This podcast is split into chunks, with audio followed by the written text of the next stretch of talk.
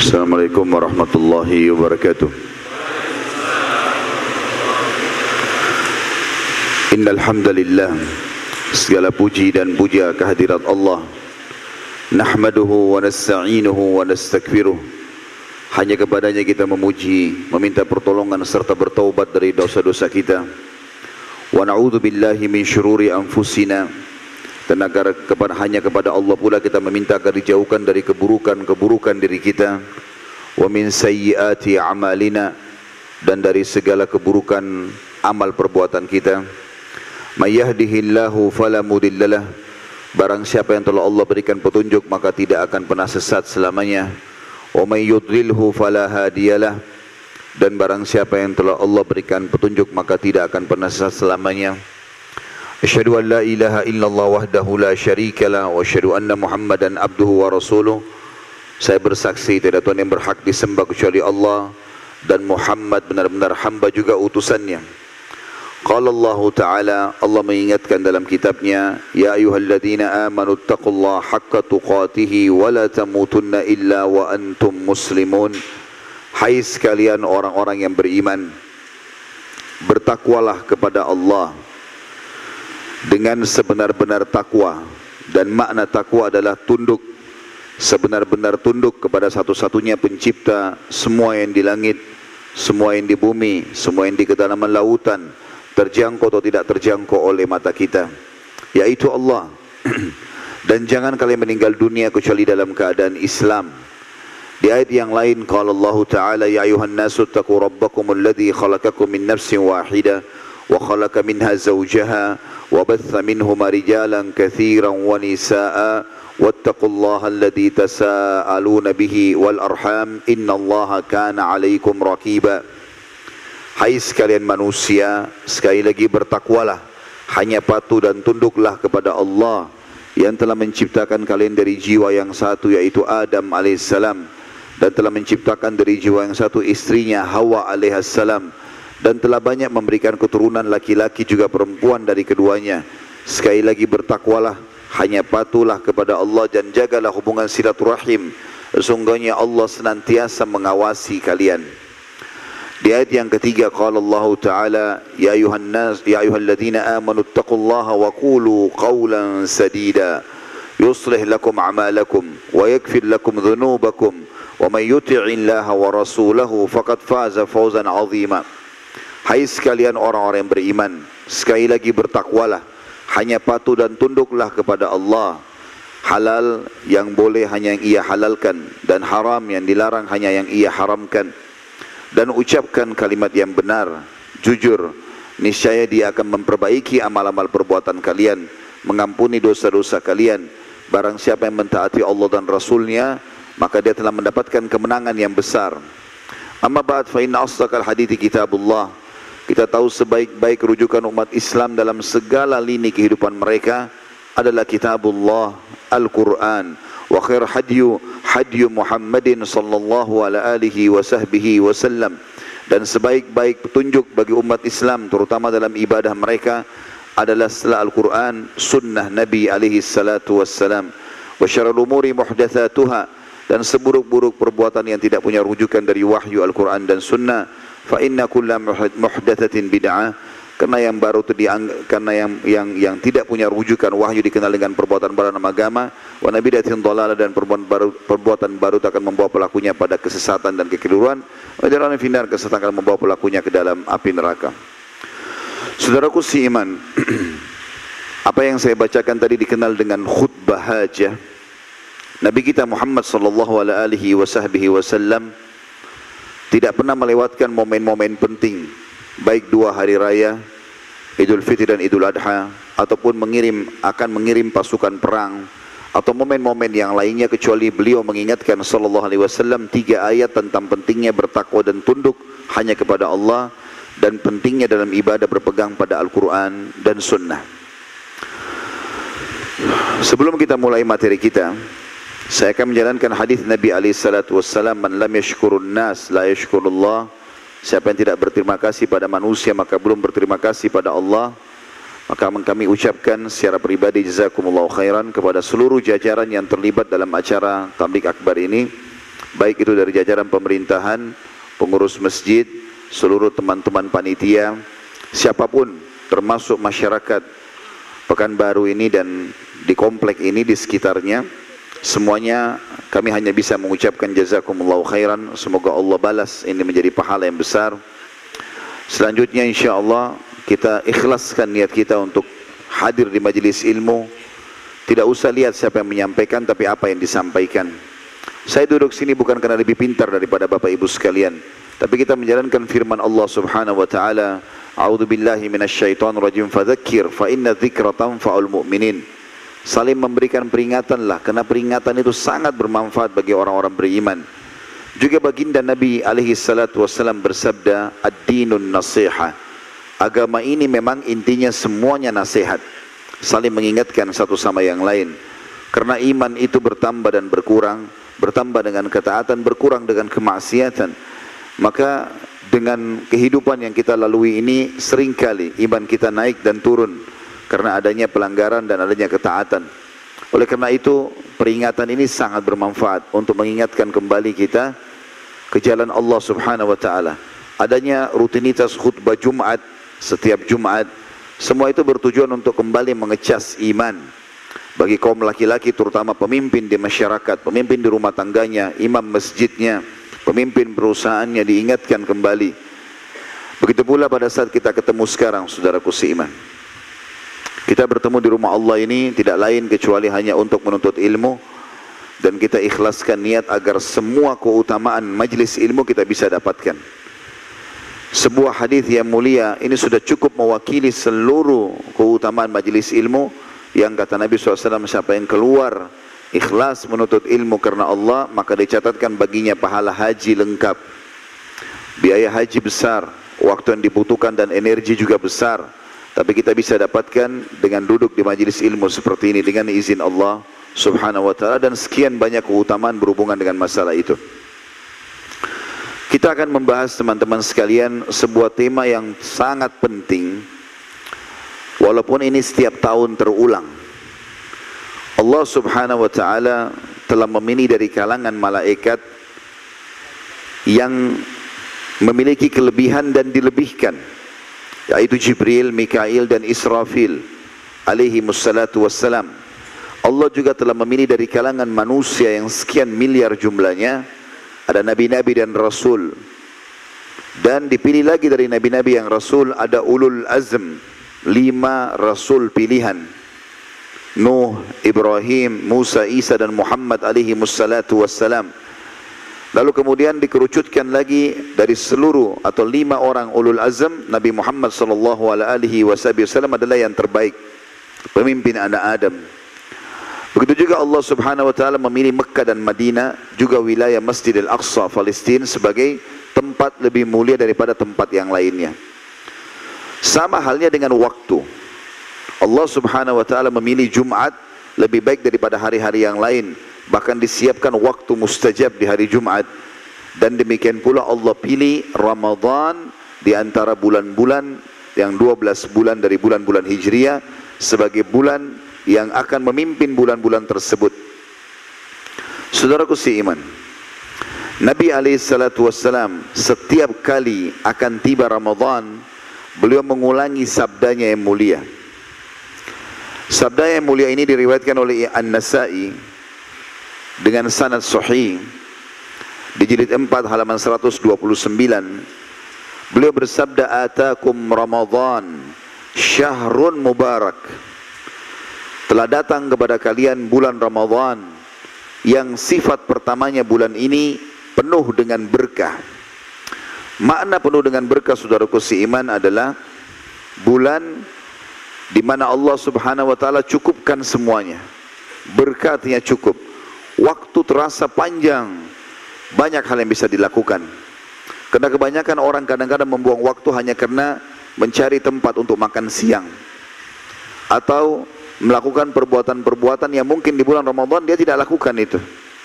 Begitu juga dengan keberkahan makanan dan minuman.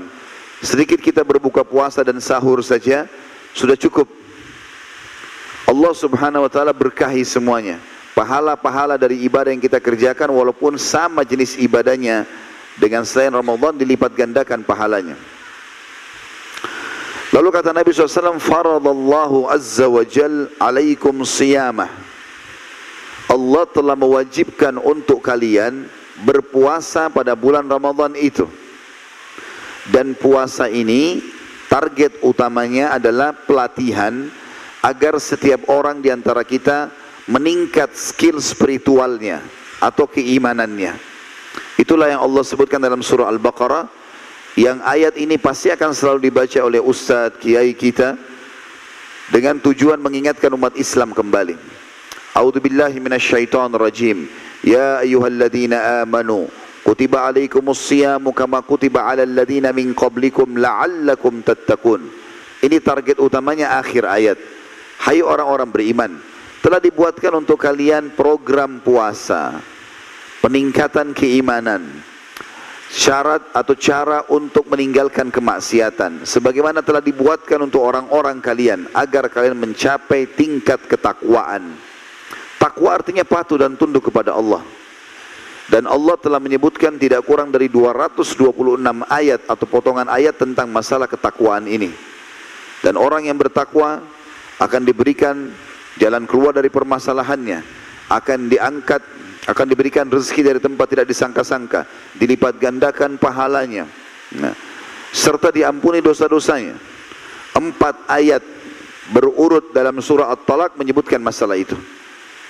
Ayat keduanya di akhir ayat At-Talaq surah nomor 65 ayat 2 A'udzu billahi minasyaitonir rajim wa may yattaqillaha yaj'al lahu makhraja. Siapa yang bertakwa kepada Allah, Allah akan berikan makhraja. Kalau teman-teman pernah umroh atau haji atau mungkin belajar bahasa Arab juga sama tapi kalau pernah umroh dan haji coba lihat tangga darurat untuk turun melarikan diri atau menyelamatkan diri di dalam keadaan kebakaran terjadi liftnya mati ditulis dalam bahasa Arab mim kha ra jim makhraj artinya jalan keluar di saat lagi sempit dan bermasalah dan Allah mengatakan di At-Talaq ayat 2, "Wa may yattaqillaha yaj'al lahu makhraja." Siapa yang bertakwa kepada Allah, maka Allah akan berikan jalan keluar dari semua masalah dia. Sementara target utama puasa tadi, la'allakum tattaqun, agar kalian mencapai tingkat ketakwaan, berarti kau akan mendapatkan hai muslim jalan keluar dari setiap masalahmu.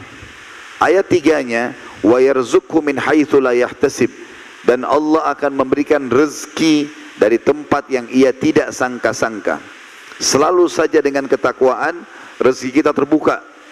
Berarti Ramadan mendongkrak kita agar bisa mendapatkan semua solusi dari permasalahan kita atau segala solusi dari semua permasalahan kita dan juga akan membuka pintu rezeki yang luas buat kita dari tempat tidak disangka-sangka.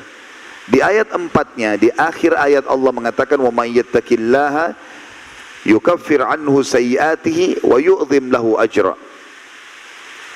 ayat keempatnya begini, wa may yattaqillaha yaj'al min amrihi yusra. Siapa yang bertakwa kepada Allah, Allah akan mudahkan segala urusannya. Ulama tafsir mengatakan relevansi antara ayat kedua at-talaq dengan ayat keempat. Ayat kedua makhraja, jalan keluar. Ayat keempat yusra, kemudahan. Kata ulama Andai saja Allah cuma mengatakan makhraja, ada jalan keluar, tapi belum dirincikan seperti apa, mudah atau sulit. Misal orang sembuh tapi harus operasi dulu. Orang memulai usaha harus pinjam dulu modal. Itu juga makhraja, jalan keluar. Tapi ayat 4 menekankan tentang yusra, akan mudah. Mungkin tanpa operasi bisa sembuh, tanpa melalui modal yang harus dia pinjam, dia bisa memulai usaha. Dengan sedikit dagang Allah berkahi lalu jadi banyak modalnya sendiri.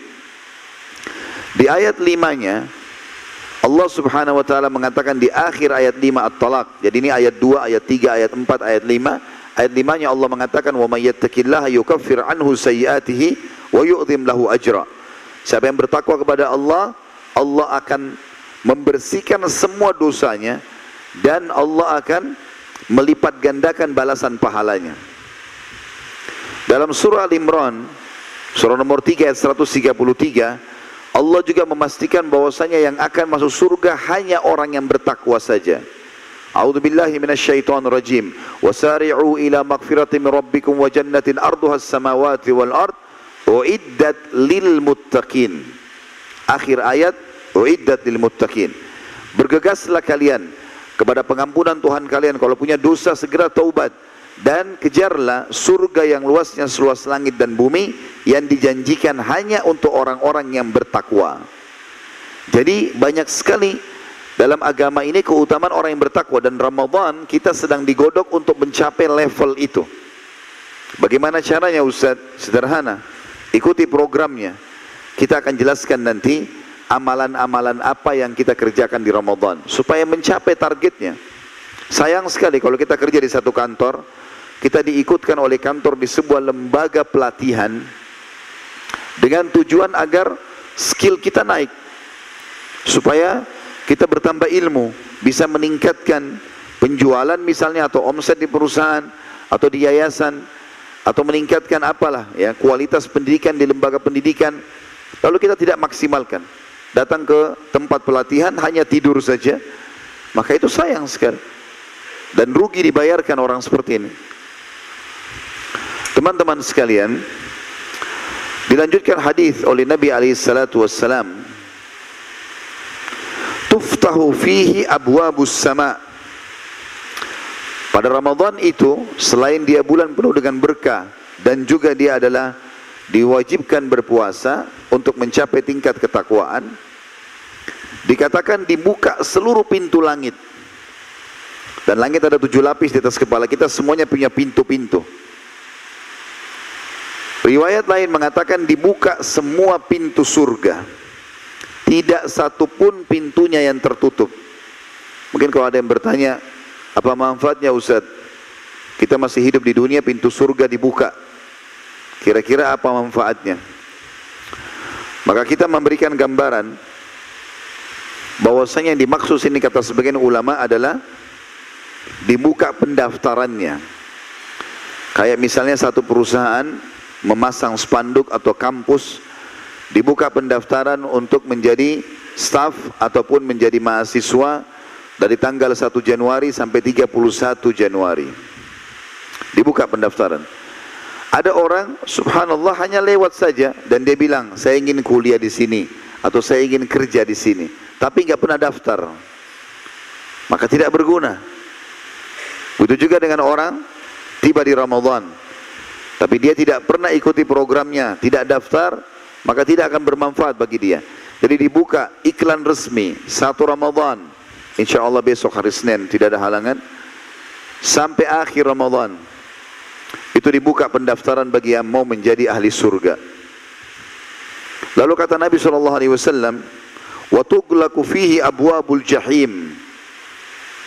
Di Ramadan yang keempat selain bulan berkah, Selain juga Allah wajibkan puasa yang mencapai tingkat ketakwaan agar mudah semua urusan diberikan rezeki dari tempat tidak disangka-sangka, dilipat gandakan pahala, dibersihkan dosa, juga dibuka pintu pendaftaran surga dan ditutup semua pintu neraka. Di dalam riwayat yang lain, hadis juga yang sahih riwayat Al-Bukhari, kata Nabi sallallahu alaihi wasallam, kalau tiba Ramadan Allah mengutus malaikat untuk menyeru Walaupun kita tidak mendengarnya, tapi Nabi SAW menyampaikan itu. Wahai pelaku kebaikan, segera tingkatkan derajatmu di surga. Wahai pelaku keburukan, segera berhenti. Pelaku kebaikan karena pintu surga lagi dibuka, pelaku keburukan karena neraka lagi ditutup. Kalau teman-teman mungkin masih belum tersentuh tentang masalah surga dan neraka, apa pun nikmat yang teman-teman rasakan di muka bumi ini dari makanan yang enak, ya pakaian yang nyaman, rumah yang nyaman, biologis kalau orang sudah menikah yang enak dan segala macam hal kenikmatan ini kata ulama itu adalah miniatur surga. Itu adalah contoh kecilnya surga. Di surga nanti akan terasa kenikmatan abadi. Kata Nabi SAW, siapa yang masuk ke dalam surga, maka tidak akan rusak bajunya, tidak akan habis masa mudanya, dan tidak akan pernah mengeluarkan ingus dan juga meludah, nggak ada lagi sakit dan tidak akan mengeluarkan kotoran, buang air besar dan buang air kecil. Semua makanan dan minuman yang dimakan oleh ahli surga yang tidak dibutuhkan oleh tubuh mereka akan keluar dalam bentuk keringat yang lebih wangi dari kasturi. Siapa yang masuk ke sana, maka dia akan bahagia selamanya. Itu surga. Dibuka sekarang di bulan Ramadan. Kata Nabi SAW, siapa yang masuk surga, keperawakannya akan seperti Adam, 60 siku ke langit. 27 setengah meter tinggi kita di surga nanti. Kata Nabi SAW, Adam AS 20, eh, 60 siku ke langit dan manusia terus memendek sampai menjelang hari kiamat. Tapi hari kiamat nanti di kebangkitan kita akan dibangkitkan sama dengan tingginya Adam AS. Dan wajah mereka seperti Yusuf AS. Yang kata Nabi SAW, Yusuf AS telah diberikan sepertiga kegagahan dunia. Setiap orang melihatnya merasa sangat tertarik dan diberikan hati seperti Ayub Nabi Ayub alaihissalam manusia yang tidak pernah berkeluh kesah semuanya hidupnya bersyukur baik dalam cobaan apalagi kalau dalam keadaan nikmat kemudian juga ada hadis-hadis yang lain yang kata Nabi alaihissalam sesungguhnya ahli surga akan diberikan istana-istana yang megah sampai seseorang di antara mereka tidak pindah dari satu sisi istananya karena nikmatnya itu selama 70 tahun baru dia pindah ke sisi yang lain. Dia akan diberikan dayang-dayang, kata Nabi sallallahu alaihi wasallam. Ahli surga yang paling rendah akan diberikan pelayan 10 ribu orang. 10 ribu orang. Setiap pelayan membawa dua nampan dari makanan. Maka ahli surga itu akan makan dari nampan pertama sampai nampan terakhir kenikmatannya sama. Karena ahli surga tidak akan pernah merasakan lapar dan tidak akan pernah merasakan lagi kenyang. Mereka makan bukan karena lapar, mereka berhenti bukan karena kenyang. Kalau kita makan karena lapar, kita targetnya menghabiskan makanan. Maka kenikmatan makanan jadi hilang. Tapi kalau kita dalam kondisi tidak lapar, kemudian kita juga tidak kenyang, ditawarkan mau makan apa pak, mau makan apa bu, kita mesti bisa milih. Oh saya mau makan ini, saya mau makan. Karena dia bisa nikmati. Perutnya nggak lapar. Begitu juga kalau orang kenyang. Kalau kenyang dia nggak bisa makan lagi kenikmatan makanan hilang. Kalau dia sudah makan dua piring, dikasih lagi ayam bakar, dikasih lagi ini, dia nggak bisa makan lagi. Maka ahli surga, kata Nabi SAW, makan dari nampan pertama sampai nampan terakhir, semuanya kenikmatannya sama. Karena tidak ada lagi rasa kenyang. Setiap yang sudah tidak dibuka oleh tubuh, keluar dalam bentuk keringat, keringat itu pun lebih wangi dari kasturi. Juga disebutkan dalam hadis yang lain, sesungguhnya ahli surga akan mendapatkan istana-istana yang Istana tersebut mengalir di bawahnya sungai. Dalam banyak ayat Al-Quran tentang surga dikatakan tajri min tahtial anhar. Mengalir di bawahnya sungai. Tapi jangan dibayangkan seperti sungai kita ini. Karena disebutkan oleh Ibnu Abbas radhiyallahu anhu sungai-sungai di surga bukan seperti yang kalian bayangkan, tapi air yang mengalir tidak menyentuh tanah dan tidak tertumpah ke sana sini. Sehingga dia berada di atas sana dan setiap ahli surga ingin meminum sesuatu atau sedikit darinya maka dengan sendirinya dia hanya niat ingin minum akan ada piala atau gelas atau canteng yang akan tersentuh ke air tersebut lalu datang sendiri kepada dia kemudian dia minum. Dan Allah memuji wadah-wadah ini sambil mengatakan sungguh benar-benar sudah diukur dengan takaran yang tepat untuk mulutnya ahli surga untuk kadar minuman yang keluar darinya. Kenikmatan yang abadi yang luar biasa. Kalau kita ingin sebutkan tentang surga ini tidak akan pernah habis bahasannya. Tapi teman-teman kalau ingin lebih jauh bisa menonton ceramah kami di YouTube judulnya membedah buku Rasulullah SAW cerita tentang surga dan neraka. Saya sudah bicara 32 atau 33 pasal tentang surga dan juga tentang neraka. Intinya surga kenikmatan abadi yang sulit untuk digambarkan. Dan salah satu puncak kita bisa mendapatkan surga adalah dengan datangnya Ramadan. Dibuka pendaftarannya Begitu juga dengan neraka.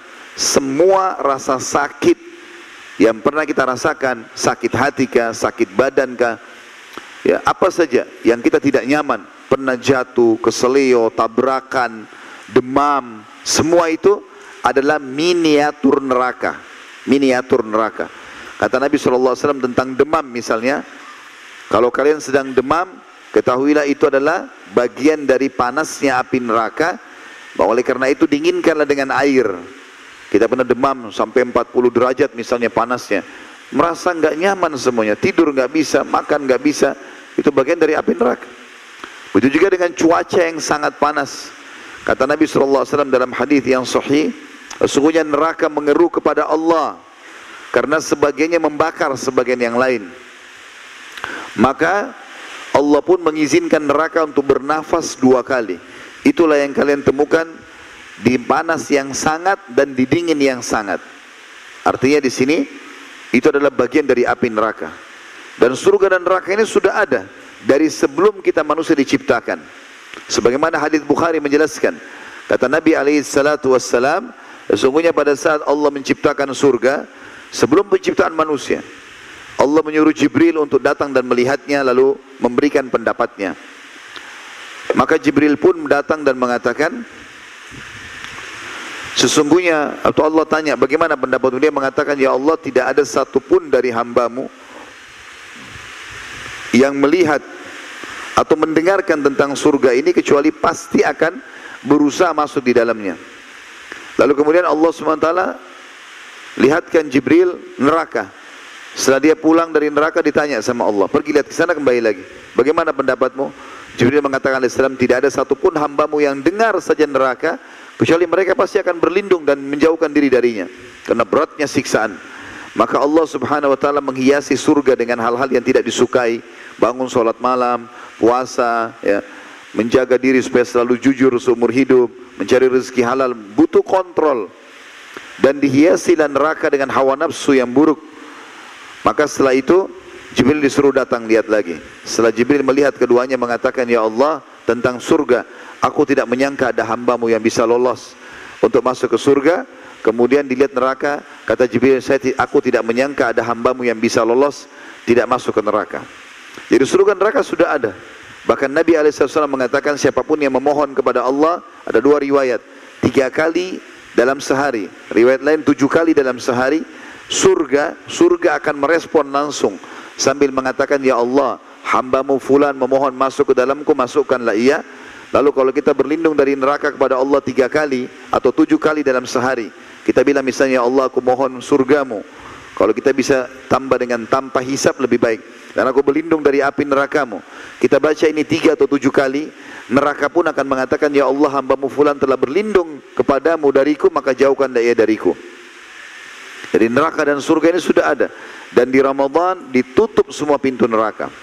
Sebagian ulama menghubungkan tutup pintu neraka ini dengan hadis yang lain yang kata Nabi SAW ketahuilah di Ramadan ada hamba-hamba Allah yang dibebaskan dari api neraka. Tadinya namanya ada di neraka, tapi Allah bebaskan. Dan itu terjadi kata Nabi SAW di setiap malam dari malam-malam Ramadan. Ini enggak ada di bulan lain. Keutamaan yang luar biasa yang besok ini kita akan menyambutnya dengan izin Allah Subhanahu wa taala. Dan neraka ini teman-teman kalau ada yang menganggap remeh mengatakan tidak masalah saya masuk neraka dulu, toh nanti saya akan masuk surga. Misal, maka orang seperti ini tidak faham. Coba teman-teman ambil korek gas kecil saja, lalu kita bakar ibu jari kita. Hitungan detik, hitung sampai 5 atau 10 detik saja. Sakitnya luar biasa. Satu menit tangan kita bisa matang. Mungkin butuh operasi kena luka bakar. Itu baru korek gas biasa. Sifat api neraka ini Allah sebutkan dalam surah Al-Humazah, Innaha alaihim mu'sadah.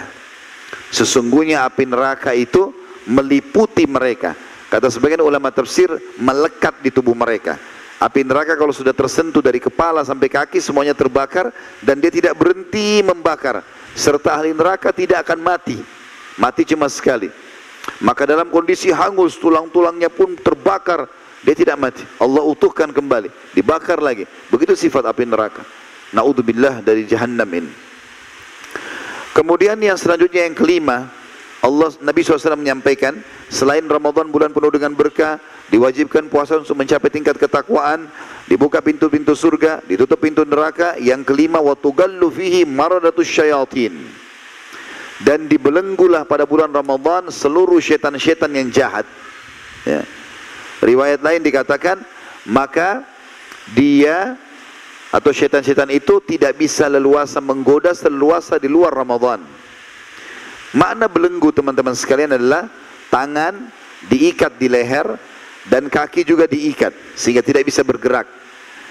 Kalau kita lomba lari dengan seseorang, rival atau lawan kita mau lomba lari, kemudian dia dibelenggu tangannya diikat, lehernya diikat, kakinya diikat, maka kita biar jalan santai, kita akan menang. Karena lawan kita diikat. Semua syaitan diikat pada saat itu. Mereka bisa leluas, mereka bisa menggoda tapi tidak leluasa lagi. Bahkan dengan sangat mudah kita melakukan ibadah. Dan yang luar biasa pada saat tiba di akhir Ramadan, jarak antara kita dengan syaitan itu satu bulan. Seperti kalau kita jalan kaki dari Indonesia, itu sudah sampai ke Eropa. Kalau satu bulan non-stop kita jalan. Jangan sampai teman-teman kita menjadi seperti sebagian orang. Begitu akhir Ramadan, Idul Fitri tiba, lisannya mengatakan Alhamdulillah. Bukan Alhamdulillah karena siap mempraktikkan ilmu Ramadan, perutnya sudah biasa puasa, maka semestinya dia puasa-puasa sunnah, Senin Kamis, Ayyamul Bid, Sembilan hari pertama bulan Zulhijjah, sembilan dan sepuluh bulan Muharram, banyak puasa-puasa sunnah yang bisa dikerjakan.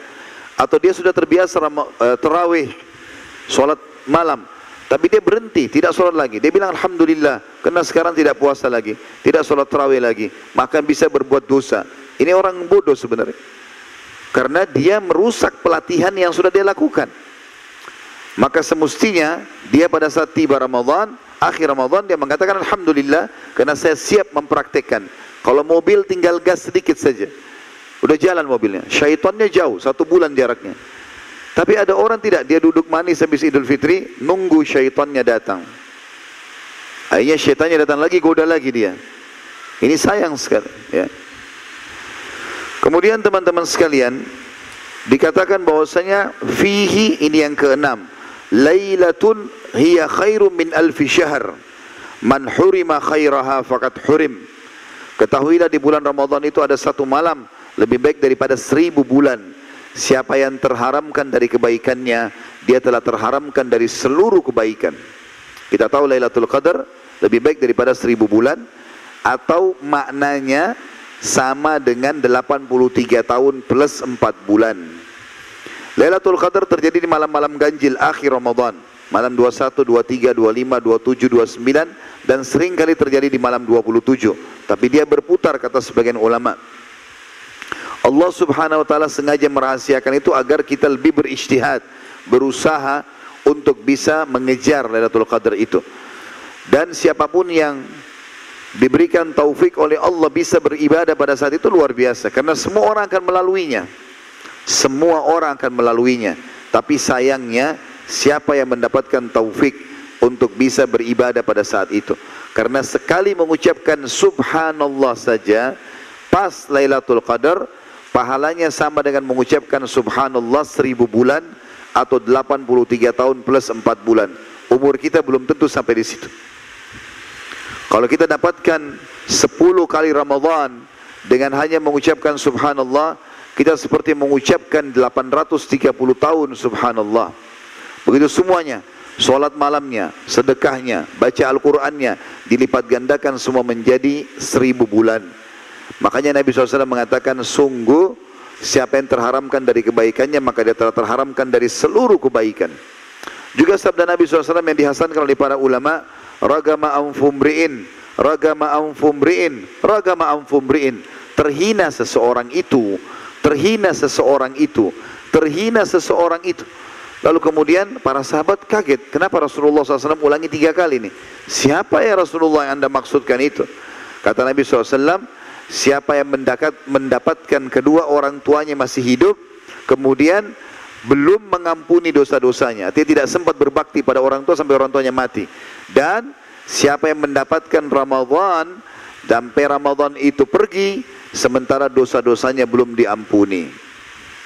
Jadi Ramadan adalah bulan yang suci, yang mulia, yang semestinya setiap orang di antara kita menjaga amal-amal dan memperbaiki amal-amal dan mempersiapkan diri agar kita bisa mendapatkan yang terbaik di bulan Ramadan. Saudaraku si iman, Ramadan ini dianjurkan sekali mengerjakan beberapa perbuatan-perbuatan amal soleh. Yang paling pertama sendiri adalah puasa itu. Puasa adalah amal yang sangat luar biasa.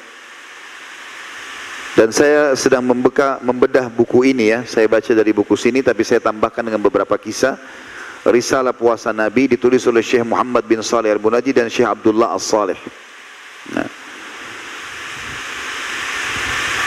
Yang pertama sekali adalah puasa. Dan puasa ini teman-teman adalah ibadah yang paling besar pahalanya. Tidak ada ibadah secara kuantitas ya, jumlah pahala mengalahkan puasa. Disebutkan dalam sebuah hadis yang sahih tentang dalilnya adalah hadis diriwayatkan oleh Bukhari Muslim. Kata Nabi SAW, Kullu amal ibn Adam lahu semua amal ibadahnya anak Adam untuknya. Makna lainnya adalah sudah ditentukan kadar pahalanya. Terbukti dari lanjutan sabda Nabi SAW, Al-hasanatu bi ashri amthaliha ila sabamiyya di'fin.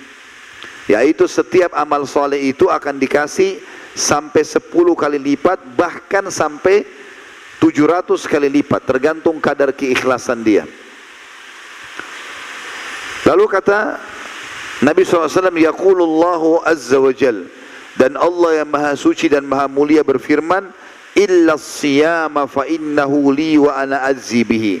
Kecuali puasa jadi jihad, solat secara kuantitas dikalahkan oleh puasa. Karena di sini semuanya ditentukan kadar pahalanya bisa sampai 700 kali lipat kecuali puasa kata Allah. Karena dia milikku dan aku akan balas langsung. Sebabnya taraka syahwatahu wa ta'amahu wa syarabahu min ajli. Karena dia meninggalkan syahwatnya. Dia meninggalkan makanan dan minumannya karena aku. Lisaimi farhatan orang yang puasa akan diberikan dua kebahagiaan dan kegembiraan. Farhatun inda fitrih. Kegembiraan pada saat buka puasa karena haus laparnya hilang. Dan juga farhatun inda liqa'i rabbih. Dan kegembiraan yang memuncak pada saat dia bertemu dengan Tuhannya. Nah, dia akan masuk ke dalam surga. Wala khalufu saimi atyabu indallahi min rihil misk. Dan bau mulutnya orang yang puasa lebih wangi di sisi Allah daripada bau kasturi agar mendapatkan pahala yang besar tadi kita dianjurkan oleh Nabi SAW untuk mengikuti dengan dua syarat supaya pahalanya maksimal. Hadis Bukhari Muslim menjelaskan masalah itu. Man sama Ramadhan imanan wahtisaba kufira lahu ma takadda min dhanbi. Siapa yang melaksanakan puasa Ramadan karena dua hal. Yang pertama, keimanan. Dia yakin ini Allah yang perintah. Bukan puasa karena tidak enak sama temannya, nggak enak sama pasangan hidupnya, nggak enak sama orang tuanya, nggak enak sama atasannya, lingkungannya nggak. Ada orang nggak ada orang saya puasa, itu namanya keimanan. Dan untuk mendongkrak iman kita butuh ilmu, belajar ya seperti kita lakukan sekarang. Oh ini keutamaannya ya, saya dapat ini dapat itu maka kita jadi mau melakukan. Syarat yang kedua ihtisab, mengejar pahalanya. Orang kalau kejar pahala nggak pernah jenuh. Saya kasih contoh kalau orang pergi haji Bapak Ibu sekalian. Haji itu biayanya mahal, waktu yang dilongkan lama ya. Kemudian juga jaraknya jauh, udaranya sering kali panas ya di musim haji. Tapi subhanallah kalau orang ikhlas karena ingin mengejar pahalanya, biar capek, biar sempat sakit, mungkin masuk rumah sakit di sana, biayanya besar, tetap kalau pulang haji ditanya mau haji lagi enggak? Jawabannya iya. Orang kalau mengharap pahala, nggak pernah jenuh. Habis Ramadan, Ramadan akan mau puasa lagi, mau, semangat. Orang sudah pernah pergi jihad, tahu pahalanya, mau jihad, walaupun badannya sudah luka. Karena orang mengharapkan pahala itu. Maka kata Nabi SAW, siapa yang berpuasa Ramadan karena keimanan dan mengharapkan pahalanya, dibersihkan semua dosanya yang lalu. Tentu di sini dua orang syekh yang sedang menyusun buku ini, Syekh Muhammad bin Saleh Al-Munajjid dan Syekh Abdullah As-Saleh mereka berdua mengatakan dalam tulisan ini, tentu saja pahala yang besar ini tidak diberikan kepada orang yang hanya menahan diri dari makan dan minum saja. Namun diperuntukkan bagi orang yang benar-benar mengaplikasikan nilai-nilai puasa. Sebagaimana sabda Rasulullah SAW dalam hadis Bukhari, Man lam yada' qawla zuri wal amala bihi, falaysa lillahi hajatun fi an yada'a ta'amahu wa syarabah. Barang siapa yang tidak menahan diri dari ucapan dusta dan berbuat dusta, menipu, sumpah palsu, Sementara puasa maka tidak ada hajat bagi Allah sedikit pun menerima puasanya meskipun ia menahan, diri dari makan dan minum. Artinya tidak hanya cukup orang menahan lapar dan haus tapi harus tahu tidak boleh diikuti dengan kemaksiatan. Juga riwayat yang lain riwayat Bukhari Muslim. Kata baginda Nabi SAW as-sawmu junnah. Puasa itu perisai. Riwayat Imam Muslim yang lain kajunnati ahadikum minal kital seperti perisai kalian yang besi bulat yang kalian gunakan untuk berlindung pada saat berperang dari api neraka. Fa idza kana yauma shaumi ahadikum. Oleh karena itu supaya puasamu diterima pahalanya maksimal bisa membersihkan dosa bisa jadi perisai dari api neraka maka fala yarfuth jangan kalian rafath. Rafath itu mengucapkan kalimat syahwat, sayang, cinta, rindu bukan pada pasangan halal. Kalau suami istri boleh, tapi kalau selain ini tidak boleh. Puasa mentraining kita supaya terbiasa tidak mengucapkan kalimat yang indah ini kepada tempat yang salah. Kalau pada pasangan suami istri dibolehkan. Wala. Jangan dia berbuat kejahatan apa pun Wala yajhal, jangan menyia-nyiakan waktu berbuat kebodohan supaya bisa dari perisai dari api neraka. Enggak boleh buang-buang waktu, sia-siakan pada hal yang tidak ada gunanya. Ada orang puasa dari pagi sampai menjelang maghrib tidur terus. Bangun cuma sholat tidur lagi. Puasanya cuma satu jam. Puasa bukan untuk bermalas-malasan.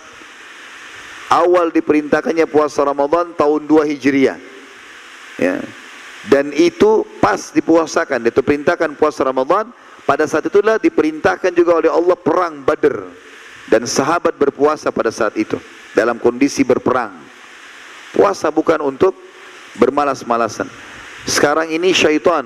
Besok mungkin Ramadan dia akan dibelenggu sekarang dia akan gencar menanamkan persepsi negatif puasa satu bulan nanti haus gak ya lapar gak ya nanti capek gak ya selalu persepsi negatif Enggak ada semua itu. Innamal a'malu bin niat. Sesuai dengan niat kita. Kita biar tidak sahur, teman-teman tidak sempat sahur. Kalau niat mau puasa, sugestinya kuat, sampai buka puasa juga tidak haus, tidak lapar. Tapi kalau orang dasarnya makan sahur, kemudian dia sudah sugestinya niatnya hanya kayaknya jam 11 sebentar saya haus nih. Haus benar nanti. Ya. Tergantung niatnya. Allah Subhanahu wa taala membuat niat itu sangat kuat. Makanya Allah taruh niat dalam hati. Hati ini rajanya tubuh. Apa yang dia perintahkan seluruh tubuh ikut. Kita kalau niat besok saya puasa, maka seluruh otak kita akan mengirim sinyal ke tubuh semua puasa. Maka kita bisa bertahan. Seperti itulah. Maka kata Nabi SAW, fa in sabahu ahadun falyakul inni mru'un saim. Oleh karena itu kalau seandainya ada orang yang mencaci maki dia, mengajak bertengkar, berkelahi, bilang saya sedang berpuasa. Maknanya saya sedang ikut program perbaikan diri dengan puasa. Saya nggak akan ribut-ribut, nggak akan berantem, nggak akan buat kejahatan, nggak akan dusta. Sebulan kita dilatih untuk itu. Bagaimana kita nggak capek ketakwaan ini? Sudah digodok ibadah, puasa siang hari, malamnya sholat, ya. Kemudian kita juga dilarang buat ini dan itu selama sebulan. Tentu kita semestinya menjadi orang yang sangat luar biasa. Kalau Ramadan saja teman-teman sekalian kita nggak jadi orang baik, kira-kira kapan kita jadi orang baik? Kalau Ramadan kita tidak puasa, kira-kira kapan kita puasa? Kalau Ramadan kita tidak terawih, baca Quran, bersedekah, berzikir, hadir majelis ilmu, kira-kira kapan kita lakukan? Sementara seluruh dunia lakukan itu dari kaum muslimin. Kita ke Eropa, kita temukan muslim sama. Siang hari puasa, malamnya terawih. Mereka sibuk bersedekah, baca Quran. Kita ke Timur Tengah sama. Kita ke Asia Tenggara sama. Kita ke Australia sama. Semuanya sama. Ke Afrika juga sama. Maka kalau saat itu semua umat Islam lagi berbuat baik, kita tidak baik, kira-kira kapan kita baik? Ini kesempatan emas. Sayang sekali. Terutama generasi muda saya ingatkan teman-teman sekalian. Kesempatan hadir di masjid, rumah Allah. Kalau Allah mudahkan seperti di kecamatan anda ini ada masjid seperti ini. Ini rumah Allah. Jangan dibiarkan kosong, kesempatan. Kata Nabi SAW, siapa yang datang ke masjid, maka Allah siapkan satu istana di surga. Dan siapa yang pulang dari masjid, habis sholat, maka disiapkan satu istana di surga. Ini bukan di pusat kota, kota Pekanbaru dikasih istana. Dikasih istana di surga. Hanya pergi sholat, pulang, dapat dua. Satu hari lima sholat, berarti sepuluh istana setiap hari. Kenapa sholat di rumah ini? Kenapa enggak sholat di masjid? Kata Nabi SAW, maukah aku tunjukkan kalian amal yang paling cepat mengangkat derajat di surga? Kata para sahabat, tentu ya Rasul. Kata Nabi SAW, perbanyak langkah-langkah menuju ke masjid. Langkah.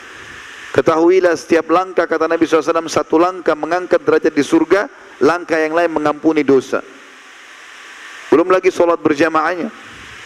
Yang kata Nabi SAW, solat berjamaah itu dibandingkan dengan sholat sendiri perbandingannya 27 derajat. Kata Ibnu Abbas radhiyallahu satu derajat nanti di surga antara orang sholat sendiri dengan berjamaah itu jaraknya 500 tahun. Berarti sekali perbedaan sholat berjamaah di masjid dengan sholat sendiri itu 12 ribu tahun jaraknya.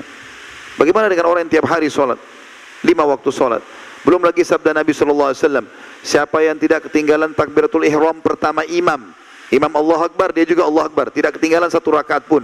Bukan satu rakaat, takbirnya imam. Imam Allah Akbar, dia juga Allah Akbar. Selama 40 hari, maka Allah akan menghapus darinya sifat kemunafikan. Tidak akan pernah dusta insya Allah sumur hidupnya. Tidak akan khianati amanat. Ya. Tidak akan ingkar janji. Maka manfaatnya besar sekali. Kalau kita masuk masjid teman-teman sekalian atau seperti Ramadan, Nanti akan kita bahas di poin kedua tentang masalah sholat terawih. Jangan cuma duduk depan masjid, ngobrol kosong.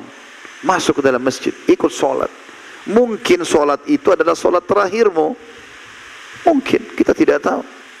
Bukan ke ruangan ICU, di rumah sakit cuma ada dua.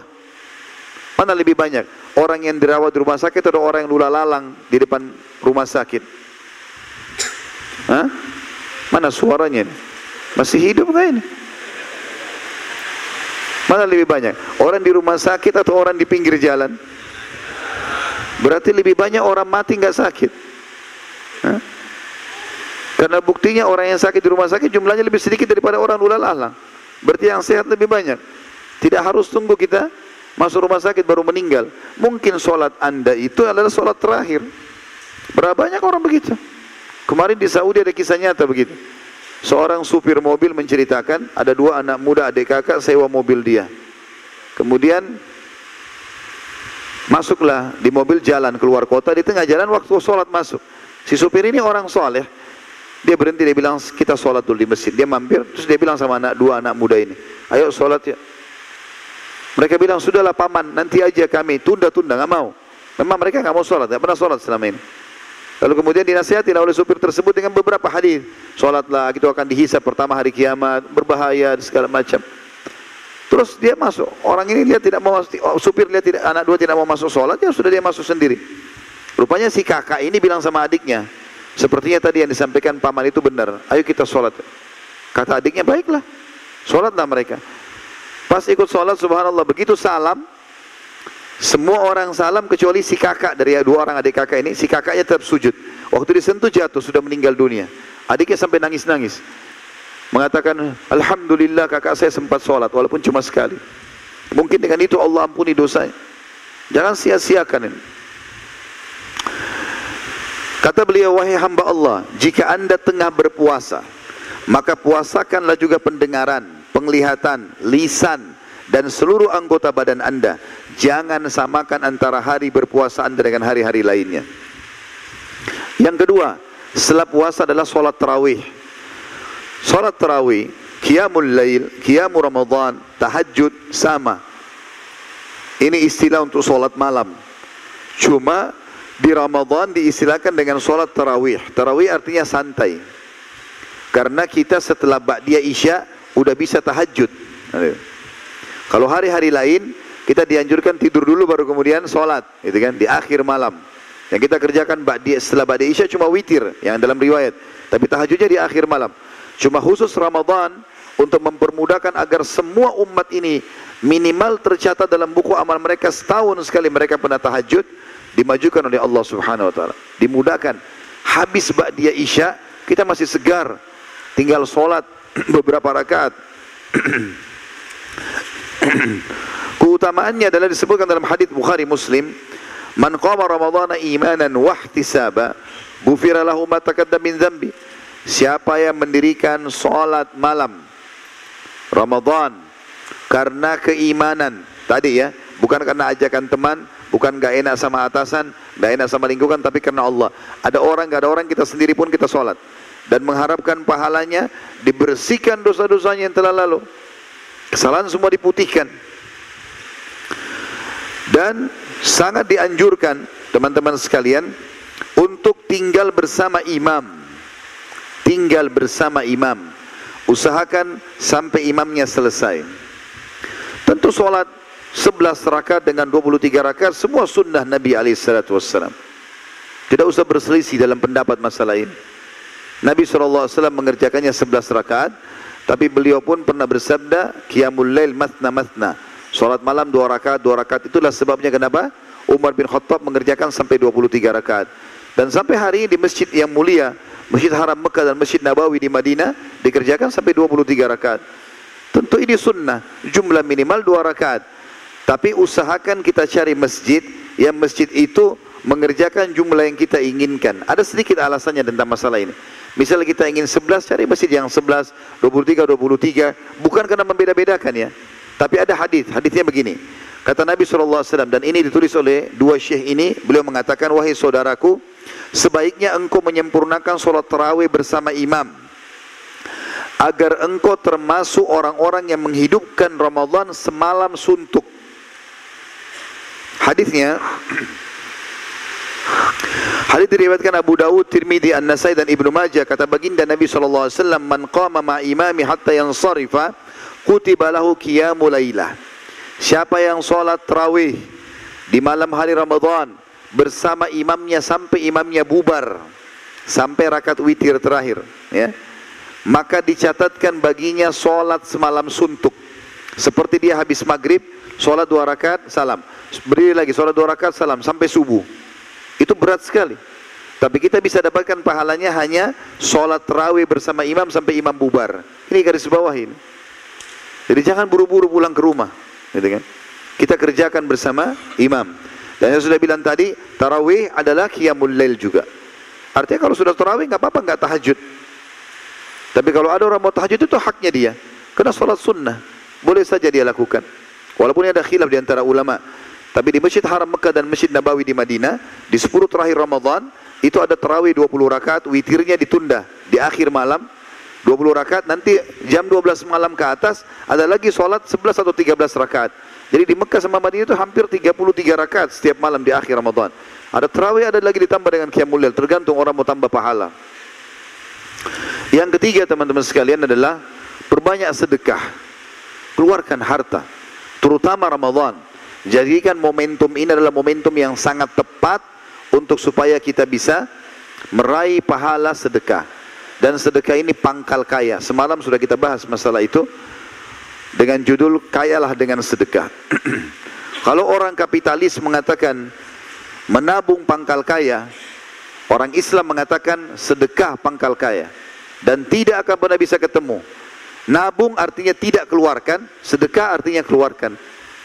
Tidak bisa ketemu konsep kita sama mereka. Makanya saya tadi malam tekankan dan saya ingatkan kembali. Mungkin ada di sini jemaah yang tidak sempat hadir. Mulai sekarang jangan belikan anak-anak kita celengan, suruh mereka nabung. Tapi kasih uang jajan, bilang kalau ada temanmu di sekolah tidak punya makanan belikan. Ada kotak amal masjid masukkan.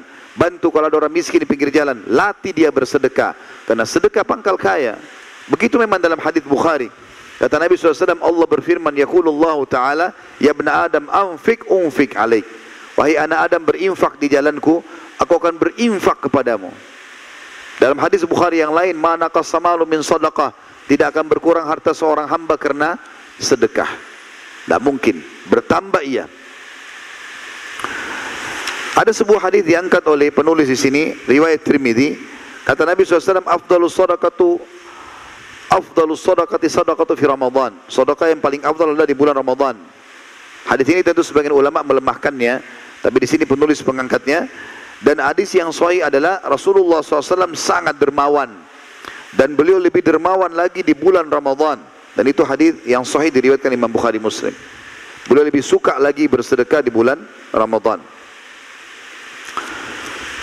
Di antara sedekah yang sangat besar pahalanya di bulan Ramadan adalah memberikan makan orang, terutama membuka puasakan orang. Memberi makan kepada orang ini pahalanya sangat besar. Ya. Di dalam sebuah hadis yang diangkat oleh penulis riwayat Trimidi dengan sanad Hasan, baginda Nabi SAW bersabda, "Ayyuma mu'minin at'ama mu'minan ala ju'in at'amahu Allah min thimaril jannah wa man saqa mu'minan ala dhama'in saqahu Allah min rahikil makhtum." Siapa saja di antara orang mukmin yang memberi makan saudaranya sama mukmin yang lapar, Tentu orang kalau puasa, pada saat buka puasa lapar. Niscaya Allah akan memberinya buah-buahan surga. Siapa saja di antara orang mukmin yang memberi minum saudaranya seorang mukmin yang dahaga dan kita tahu orang puasa pada saat buka puasa haus. Allah akan memberinya minuman dari rahikil makhtum atau minuman yang mulia di surga. Sebagian salaf berkata, maksudnya orang-orang terdahulu yang saleh sebelum kita, mengundang makan sepuluh orang dari sahabat-sahabatku dengan makanan yang mereka gemari lebih aku sukai daripada membebaskan sepuluh orang budak dari keturunan Nabi Ismail. Traktir orang kasih makan. Jangan cuma tahu tunggu di traktir. Masuk restoran sama teman-temannya tunggu siapa duluan ke kasir. Bakhil pelit. Tidak boleh. Ramadan melatih kita untuk itu supaya mengubah pola kita. Sedekah. Ya bahkan sedekah yang paling afdal adalah memberikan orang sebelum orang itu minta. Kalau ada orang jemput bola dia datang. Maksudnya di sini dia datang ke rumah orang miskin. Dia datang menjemput memberi sebelum orang minta itu lebih afdal daripada dia tunggu nanti ada orang minta baru dia kasih. Kalau anda tinggal di sebuah komplek perumahan seminggu nggak ada orang miskin masuk berarti tidak sedekah. Enggak kita pergi gitu kan juga sebagian ulama salaf selalu menyediakan buka puasa bagi orang yang berpuasa padahal mereka sendiri juga lagi puasa seperti perbuatan Abdullah bin Umar, Daud At-Tai, Malik bin Dinar, Ahmad bin Hanbal dan lain-lainnya.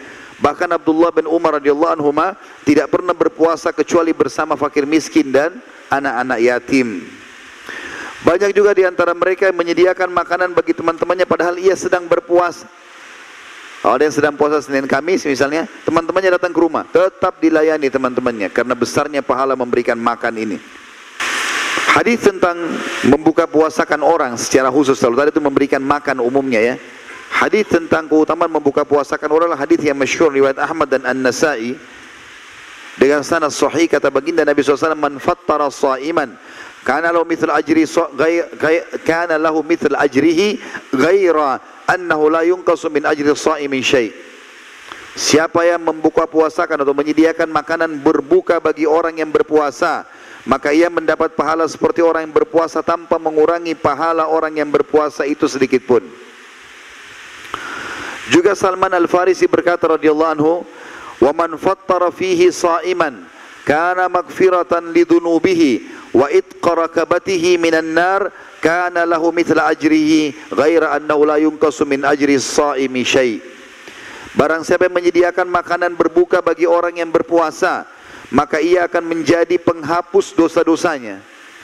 Kalau tadi kita dapat pahalanya dia ini juga plus kalau kita siapin minum, makan, kurma apa saja maka dosa-dosa kita dimaafkan dan juga menjadi pembebas dirinya dari api neraka. Hanya dengan buka puasakan orang. Dan ia akan mendapatkan pahala seperti orang yang berpuasa tanpa mengurangi pahala orang yang berpuasa itu sedikit pun. Mungkin ada yang bilang kan kalau buka puasain orang biayanya besar. Kalau dibayangkan adalah nasi campur misalnya banyak biayanya. Mungkin 15 ribu, 20 ribu, 30 ribu satu porsi. Kalau 500 jemaah banyak juga gitu kan dengarkan apa yang ditanyakan oleh para sahabat dan dengarkan juga bagaimana wasiat Nabi SAW untuk kita semua untuk mengejar pahala buka puasakan orang ini. Para sahabat sempat bertanya, wahai Rasulullah, dari hadis tadi ya, seseorang, tidak semua orang mampu menyediakan buka puasa orang yang berpuasa. Maka jawaban baginda Nabi SAW yang mulia, yu'tillahu hadat thawab liman fattara sa'iman ala midhkati labanin au tamratin au syurbati ma'in. Wa man saqa sa'iman saqahu Allah min haudi syurbatan la yadhma'u ba'daha hatta yadkhulal jannah. Pahala itu mendapatkan pahala buka puasain orang dibebaskan dari api neraka dibersihkan dosa-dosanya akan diberikan oleh Allah bagi siapa saja yang menyediakan buka puasa bagi orang yang sedang berpuasa walaupun hanya susu dicampur air. Kalau kita punya satu gelas susu untuk dikasih kepada teman di sebelah, mungkin tidak tidak cukup. Maka dibagi dua lalu dicampur air sehingga cuma warna susu tapi rasanya nggak ada lagi susu. Itu aja sudah cukup. Atau sebutir kurma. Nggak ada yang tidak bisa beli sebutir kurma. Sangat murah satu butir kurma. Atau seteguk air. Kata Nabi SAW, dan siapa yang memberikan seteguk air bagi orang yang berbuka, maka Allah akan memberinya minum seteguk air dari telagaku. Dia tidak akan dahaga selamanya sampai dia masuk ke dalam surga. Saya ingin berbagi teman-teman sekalian. Kalau yang sudah pernah dengar ini, harap ini adalah pengulangan untuk menambah lagi mengecas iman. Yang belum dengar itu yang kita harapkan supaya didengarkan. Saya punya pengalaman waktu pertama saya masuk ke Saudi di Madinah dulu waktu kami kuliah tahun 90. Awal Ramadan. Saya pernah bilang sama teman-teman orang-orang Indonesia sama-sama kami mahasiswa atau waktu itu saya masih SMA ya. Kita ke Masjid Nabawi sekalian sholat tarawih. Tanpa saya tahu kalau di Masjid Masjid Nabawi ini ada ada yang lain selain sholat tarawih gitu. Bus disiapkan oleh kampus habis asar. Nanti habis tarawih dijemput gitu. Begitu turun dari bus saya lihat di arah Masjid Nabawi ini Masjid Nabi SAW ada banyak orang yang berdiri tapi membelakangi masjid. Jadi mengarah ke orang-orang yang datang. Tapi jumlahnya banyak, bukan satu dua orang. Penuh di situ, banyak sekali. Yang terjadi adalah waktu saya turun saya bertanya-tanya, kenapa orang-orang ini belakangi masjid? Kalau satu orang dua orang mungkin tunggu temannya, tapi ini banyak berjejer mereka gitu. Saya terus jalan mendekati mereka karena tujuannya masjid. Tidak ada satupun yang membuka jalan. Seperti mereka buat pagar betis. Ya. Saya begitu mau pamit jalan, tiba-tiba saya dipeluk sama salah satu mereka. Teman-teman saya juga pada dipelukin. Gitu. Saya lihat wajahnya orang ini saya nggak kenal siapa ini main peluk-peluk aja. Maka begitu saya lihat wajahnya, dia bisikin kuping saya. Tentu laki-laki ini ya. Perlu dijelaskan. Allah Alam mungkin di sah perempuan, mungkin perempuan juga. Tapi ini dia bisikin kuping saya, dia mengatakan, Akhi, saudaraku, tolong buka puasa di tempat saya. Ini perkataan mereka. Saya sampai tetesin air mata waktu itu, subhanallah. Dia mohon sama kita supaya buka puasa di tempatnya. Ternyata di dalam masjid Nabawi, kayak masjid ini misalnya, itu sampai sekarang. Mereka turun-temurun dari kakek-kakeknya dulu. Sudah diblok tuh. Saf pertama ini keluarganya si Fulan, saf kedua keluarga Fulan. Kita nggak bisa masuk lagi. Di dalam itu kalau ayah sama anak atau kakak sama adik, si ayah atau si kakak lagi nata di dalam plastik namanya sufro dalam bahasa Arab, ditaburi kurma, mereka ambil jek zam-zam, taruh kiri kanan, tumpahin air. Tergantung uangnya orang. Kalau ada orang lebih kaya, ditambah roti, tambah yogurt, ada yang tambah pisang, tambah apel, macam-macam. Tergantung. Ada yang paling sederhana, kurma sama air. Sunnah Nabi SAW. Rupanya si ayah sama si kakak di dalam masjid ngatur itu. Si anak atau si adik cari mangsa di luar masjid. Hah? Kalau kita iya, langsung tangan kita dipegang, tangan saya dipegang. Baiklah, saya buka puasa, dipegang sama dia. Dibawa sampai ke tempatnya dia. Duduk. Di sini ya buka puasa. Jangan pindah ke situ ya. Karena di depannya mungkin ada lebih enak. Saking maunya dapat pahala.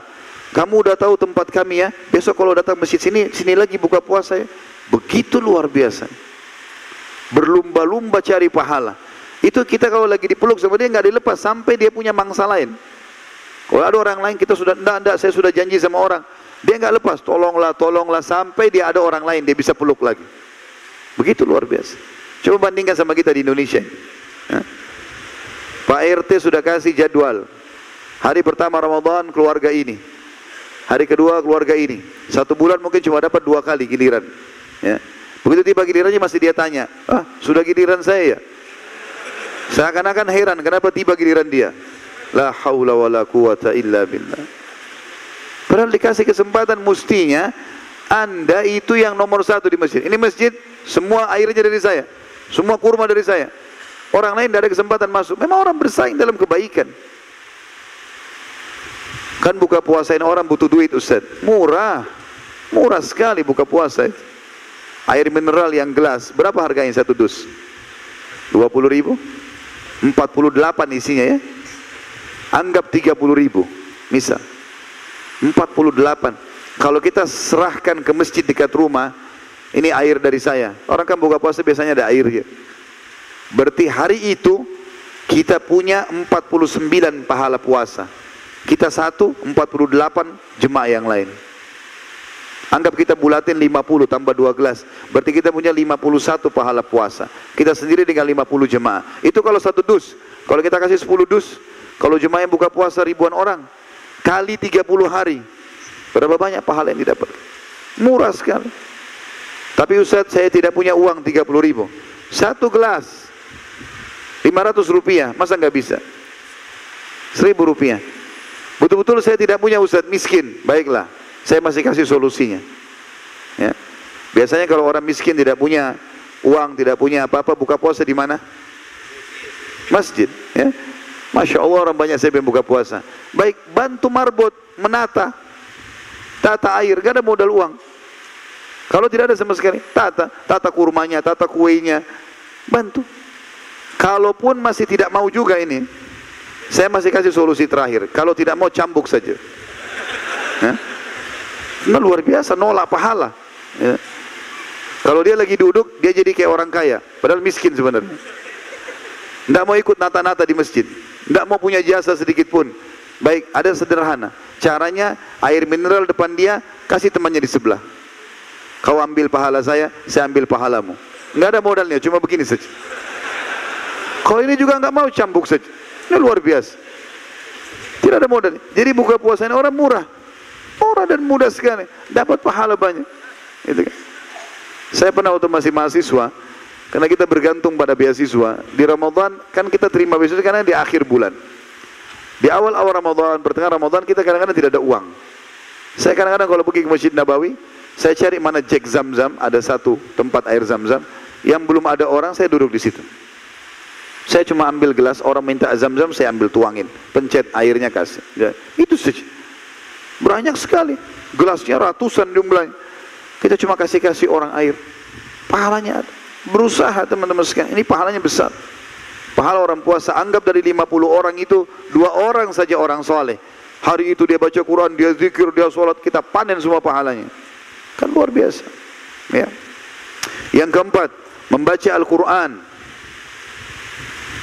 Ramadan adalah bulan Al-Quran yang belum bisa membaca Al-Quran belajar baca di, Al di Ramadan. Yang sudah bisa baca khatam Al-Quran. Yang sudah biasa mengkhatam tadaburi ambil makna-maknanya tafsirnya. Sudah bisa hafal amalkan.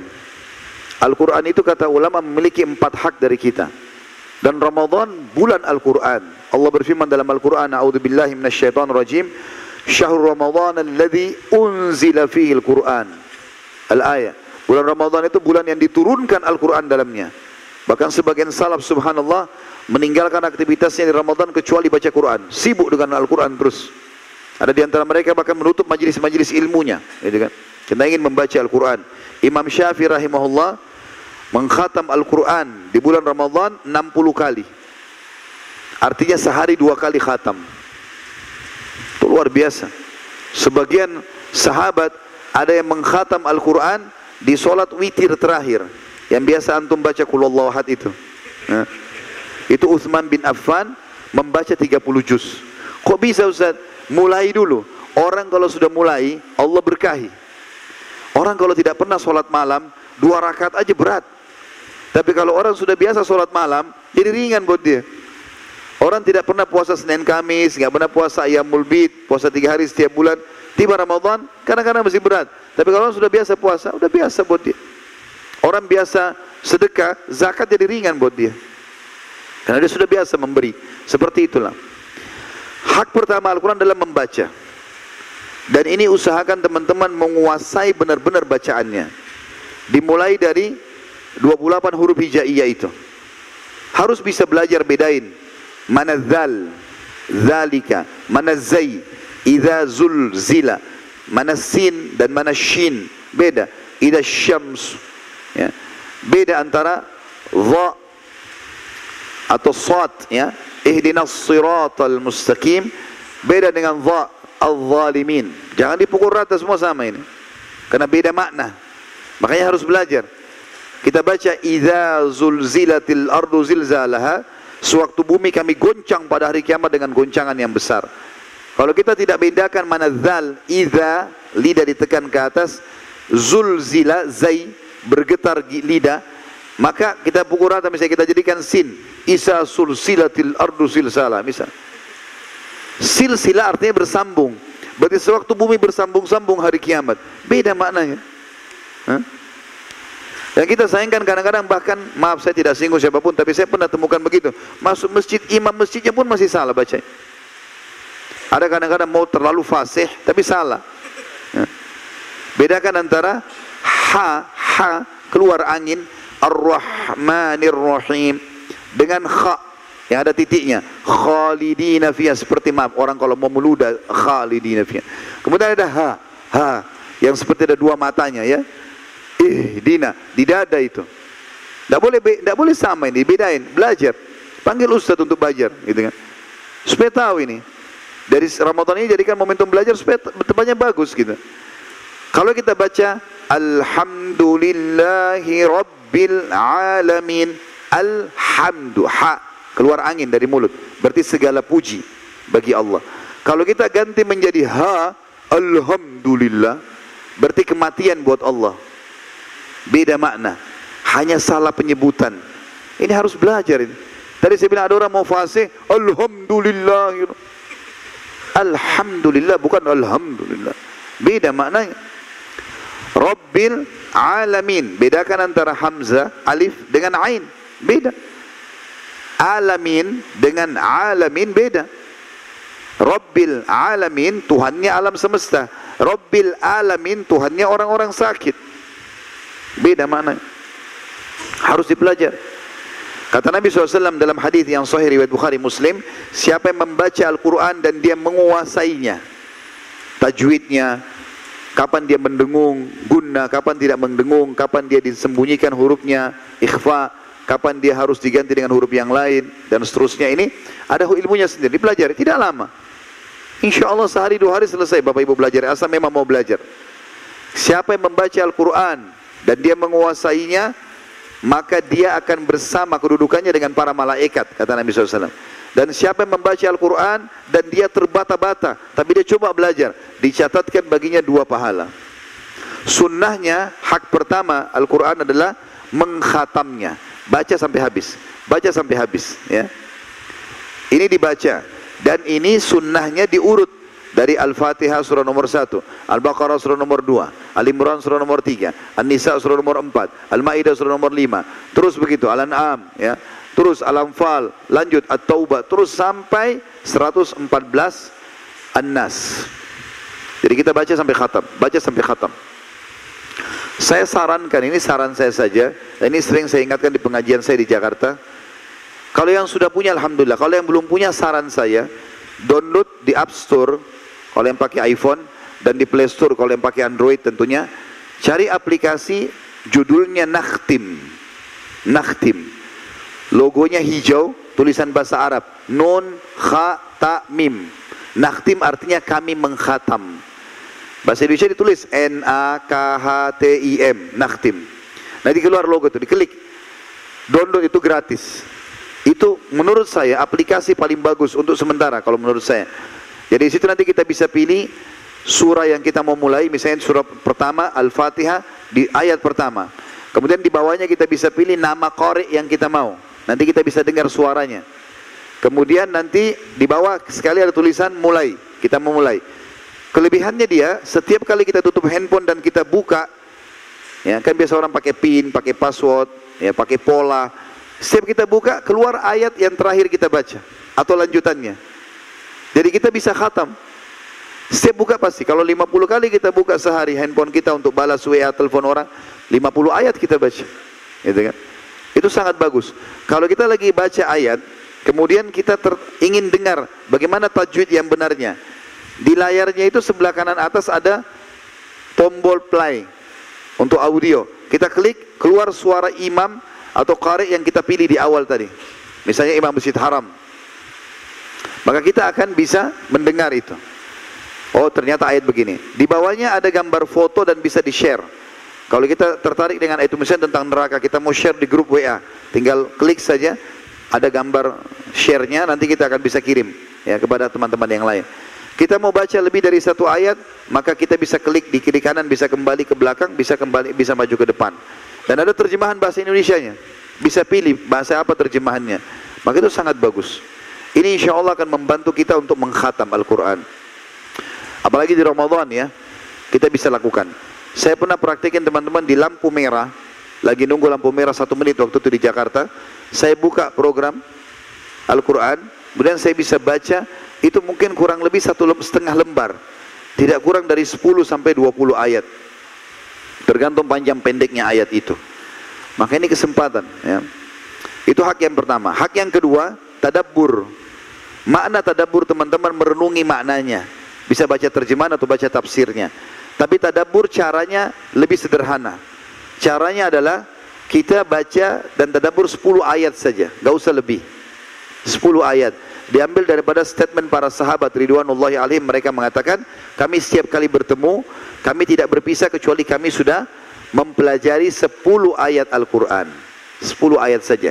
Dan kita tidak harus dari Al-Fatihah, Al-Baqarah, Al-Imran, tidak harus berurut. Buka daftar isinya Al-Quran 114 surah. Surah mana yang paling kita suka? Yang paling menggelitik kita lah maksudnya. Misalnya ibu-ibu mau baca tentang perempuan. Ada surah An-Nisa ada surah Maryam.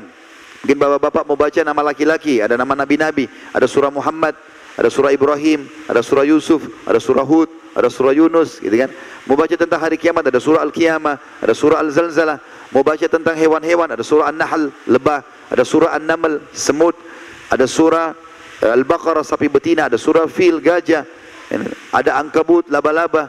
Jadi kita bisa pilih. Nah, mulailah dari surah itu untuk tadabbur. 10 ayat saja. Baca ayatnya, baca terjemahannya.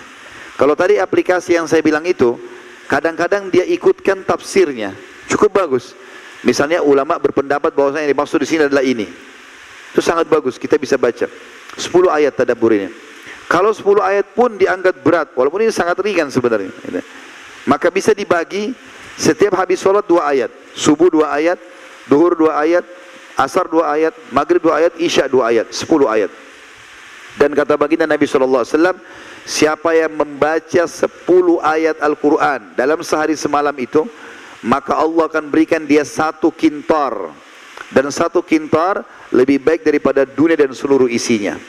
Sepuluh ayat. Al-Quran 6000 sekian ayat, 6000 sekian ayat, maka kita kalau baca 10 ayat per hari, eh, tadabbur ya bukan baca, tadabbur 10 ayat per hari, maka satu bulan Ramadan misalnya 30 hari kita sudah punya 300 ayat yang kita sudah baca terjemahannya. Satu tahun kali 12, 3600 ayat. Kurang dari dua tahun, kurang lebih 21 bulan atau 20 bulan, kita sudah menyelesaikan 30 juz baca terjemahannya semua hanya dengan habis sholat dua ayat. Apalagi kalau bapak ibu baca lebih. Misal setiap habis sholat 10 ayat. 10 itu sebentar sekali. Kurang dari 5 menit baca. Habis subuh 10, habis duhur 10, habis asar 10, habis maghrib 10, habis isya 10. Berarti 50 ayat per hari. 50 ayat lebih banyak lagi.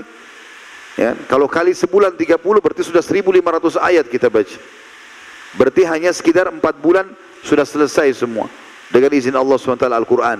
Kalau kita baca 50 ayat per hari. Yang ketiga, setelah tadabbur, membaca, kemudian mentadabbur. Yang ketiga, menghafal. Menghafal metode paling sederhana sama dengan tadabbur.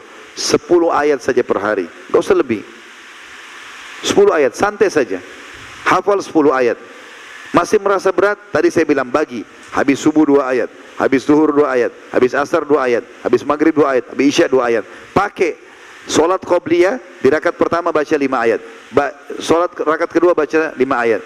solat di solat duha, solat malam, ya, ini solat qabliyah, ba'di kita bisa baca. Insya Allah sehari sudah hafal 10 ayat itu. Diulang-ulangi. Kalau kali sebulan, kita punya 300 ayat yang kita baca, hafal. Kali setahun 3600 ayat. Kurang dari 2 tahun sudah hafal 30 juz. Kalau syaitan membisikkan nanti kan saya lupa. Enggak ada orang lupa 30 juz. Orang lupa sambungan ayat iya. Imam Masjid Haram dari kecil hafal juga lupa. Kita nanti tinggal ulangi lagi. Yang penting mulai dulu. Ini cara yang paling ringan. Dan Ramadan momen paling tepat untuk itu. Hafal dua ayat setiap habis sholat. Sepuluh ayat per hari. Gitu kan? Dan ini juga tidak harus berurut. Mirip sama tadi, tadabbur. Misal teman-teman, saya mau coba hafal surah Al-Ankabut aja deh. Tentang laba-laba. Kenapa Allah bilang Ankabut? Ambillah mulai sepuluh ayat dihafal per hari. Insya Allah tiga empat hari selesai. Selesai. Pakailah dalam solat kita. Apalagi imam-imam masjid. Perlu menambah bacaan hafalan. Memperbaikinya. Itu sangat dibutuhkan oleh dia. Itu yang ketiga. Menghafalnya. Terus saja menghafal insya Allah sampai selesai nanti 114 surah gitu kan. Kemudian yang keempat yang terakhir mengamalkan isinya.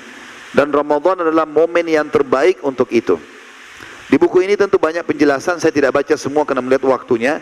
Ada kalau yang pegang buku di halaman 20 ada banyak membaca Al-Qur'an dan disebutkan di situ cukup banyak anjuran untuk membaca Al-Qur'an. Kemudian juga ada anjuran untuk menangis pada saat membaca Al-Qur'an. Dan ini bisa terjadi kalau kita tadabbur tadi ya. Kita baca terjemahannya, oh ternyata ini yang Allah sebutkan ya. Diancam begini, dihukum begini ya. Atau tentang surga, tentang bidadarinya, tentang istananya kita juga terharu. Itu sendiri juga sangat bagus.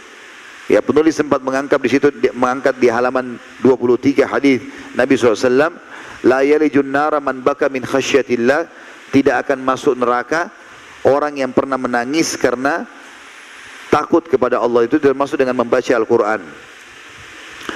Kemudian kita pindah ke yang kelima duduk di masjid hingga terbit matahari atau syuruk ya. Ini ada punya keutamaan sendiri. Dan ini bisa dimulai di bulan Ramadan. Sebagaimana hadis Anas bin Malik radhiyallahu anhu dalam hadis sahih diriwayatkan oleh Syekh Albani yang dikatakan bahwasanya man shallal fajr fi jama'atin thumma qala yadhkurullah hatta tatlu asy-syamsu thumma shalla rak'atayn kanat lahu ka ajri kana lahu ka ajri hajjatin aw umratin tammatun tammatun tamma. Barang siapa salat fajar berjamaah di masjid kemudian tetap duduk berzikir mengingat Allah hingga terbit matahari lalu solat dua rakaat. Sebagian pendapat ulama mengatakan solat duha maka seakan-akan ia mendapatkan pahala haji dan umrah sempurna sempurna sempurna. Jadi kita solat subuh berjamaah. Apalagi di Indonesia biasanya habis subuh ada lagi ceramah misalnya. Kalau anda lagi di Mekah anda bisa tawaf ya. Sambil tawaf sudah selesai tawaf biasanya sudah syuruk solatlah dua rakaat. Maka itu pahalanya haji dan umrah. Yang keenam, itikaf. Dan itikaf artinya mengikat diri di masjid. Dianjurkan sekali di 10 terakhir Ramadan. Di buku kita ini, karena ini buku merincikan sangat panjang, saya tidak bisa bacakan semua, tapi saya berharap Bapak Ibu bisa miliki buku ini dan dibaca. Kalau sudah dibaca, dihadiahkan kepada orang lain, titipkan di masjid. Karena sebaik-baik amal jari adalah ilmu yang bermanfaat. Sekali orang baca, kita akan dapat pahalanya selama dia amalkan. Ada definisi etikaf, ada di situ hikmah disyariatkan etikaf. Yang jelas teman-teman etikaf adalah sangat dianjurkan di 10 terakhir Ramadan. Dikatakan baginda Nabi SAW beritikaf di 10 terakhir Ramadan dan di akhir-akhir hidup beliau di masa tua beliau etikaf selama 20 hari. Dan etikaf yang paling afdal adalah orang masuk kata ulama di malam ke-20 puasa ke-19 mulai masuk ke masjid mengikat diri sampai keluar setelah sholat idul fitri. Jadi baju lebaran pun itu dibawa ke situ. Mandi di sekitar masjid segala macam. Pokoknya dia itikaf karena mengikat diri di masjid tidak keluar kecuali darurat. Itu paling afdal. Kalau nggak bisa, pilih hari-hari yang tepat malam ganjil supaya dapat Lailatul Qadar. Ikat diri. Kalau nggak bisa dari pagi kerja, baik mulai maghrib buka puasa di masjid, bawa sekali buka puasain orang, Sholat isya, sholat terawih, kalau ada qiyamul lail, sholat malam lagi nanti sampai subuh baru anda aktivitas lagi besoknya. Minimal kejar malam ganjil. Tidak bisa juga salah satu dari malam-malam ganjil itu. Ya. Karena ini keutamanya sangat besar. Dan Dikatakan dalam hadis Bukhari, Rasulullah SAW beritikaf setiap bulan Ramadan. Manakala setelah sholat subuh, beliau segera memasuki tempat itikafnya. Maksudnya kalau beliau mau itikaf, beliau mulai dari sholat subuh sampai nanti pada saat beliau keluar alaihissalatu wassalam. Tentu ada beberapa adab-adabnya ya orang kalau itikaf itu memperbanyak ibadah seperti baca Quran, zikir, membaca buku-buku ilmu, kemudian mendaukan diri dari hal-hal yang sia-sia, omong kosong ya. Kemudian juga harusnya dia berdiam di dalam masjid dan tidak keluar dari masjid itu kecuali dalam keadaan darurat sekali. Ada juga hal-hal yang membatalkan itikaf seperti misalnya keluar masjid tanpa ada keperluan, cuma jalan-jalan saja misalnya. Makanya saya anjurkan teman-teman ini anjuran saya karena ada pola saya lihat di Indonesia yang perlu kita perbaiki. Saran saya saja, kalau mau beli baju lebaran dari sekarang. Ya. Apalagi hari ini bisa, hari Ahad masih libur, bisa beli. Jangan beli di 10 terakhir Ramadan. Kenapa Ustaz? Itu kan saja ikat diri di masjid, bukan di pasar. Ya. Sayang sekali di pasar, dibuang-buang waktu. Kami kan berdagang Ustaz, dagang paginya, malamnya harus etikaf. Kalau memang harus cari rezeki buat keluarga. Tapi yang bukan pedagang, usahakan dia baju-baju lebaran yang sering buang waktu banyak ini. Ada orang kadang-kadang sampai tiga hari, empat hari cari baju lebaran. Akhir Ramadan, barangnya sudah banyak habis, ya harganya sudah mahal, susah carinya dan segala macam. Sekarang waktu lagi lowong. Jangan ganggu waktu etikaf, waktu mengikat diri, ya dan beribadah kepada Allah Subhanahu wa taala. Apalagi malam Lailatul Qadar teman-teman. Sayang sekali. Ada orang Lailatul Qadar itu dia buang-buang waktunya. Sayang sekali. Yang ketujuh, bagi yang Allah Subhanahu wa taala berikan kesempatan ada di halaman 36 di situ yang pegang bukunya tentunya umroh di Ramadan. Umroh ini adalah ibadah yang sangat mulia. Kata Nabi SAW dalam hadis tentang masalah umrah Ramadan, umrah fi Ramadan ta'dilu hujjah. Itu riwayat Bukhari Muslim, tambahan riwayat lain adalah hujjatan ma'i. Umrah di bulan Ramadan sama pahalanya dengan haji bersamaku. Riwayat riwayat satu adalah sama dengan pahala haji, riwayat lainnya haji bersamaku. Dan ini luar biasa. Ibadah umrah lebih sederhana. Dua tiga jam selesai. Ibadah haji butuh enam hari. Dari tanggal 8 Zulhijjah sampai 13 Zulhijjah. Tapi kita bisa dapatkan pahala haji dengan umrah di Ramadan. Kalau anda punya uang hanya bisa umrah satu kali seumur hidup jadikan di Ramadan. Kalau umrah dalam setahun sekali saja mampunya dijadikan di Ramadan. Kalau satu tahun beberapa kali bisa umrah, maka jadikan salah satunya di bulan Ramadan. Karena pahalanya sama dengan haji. Saya kan sibuk Ustaz. Bisa umrah pulang pergi. Kalau betul-betul sibuk untuk kejar pahala haji ini.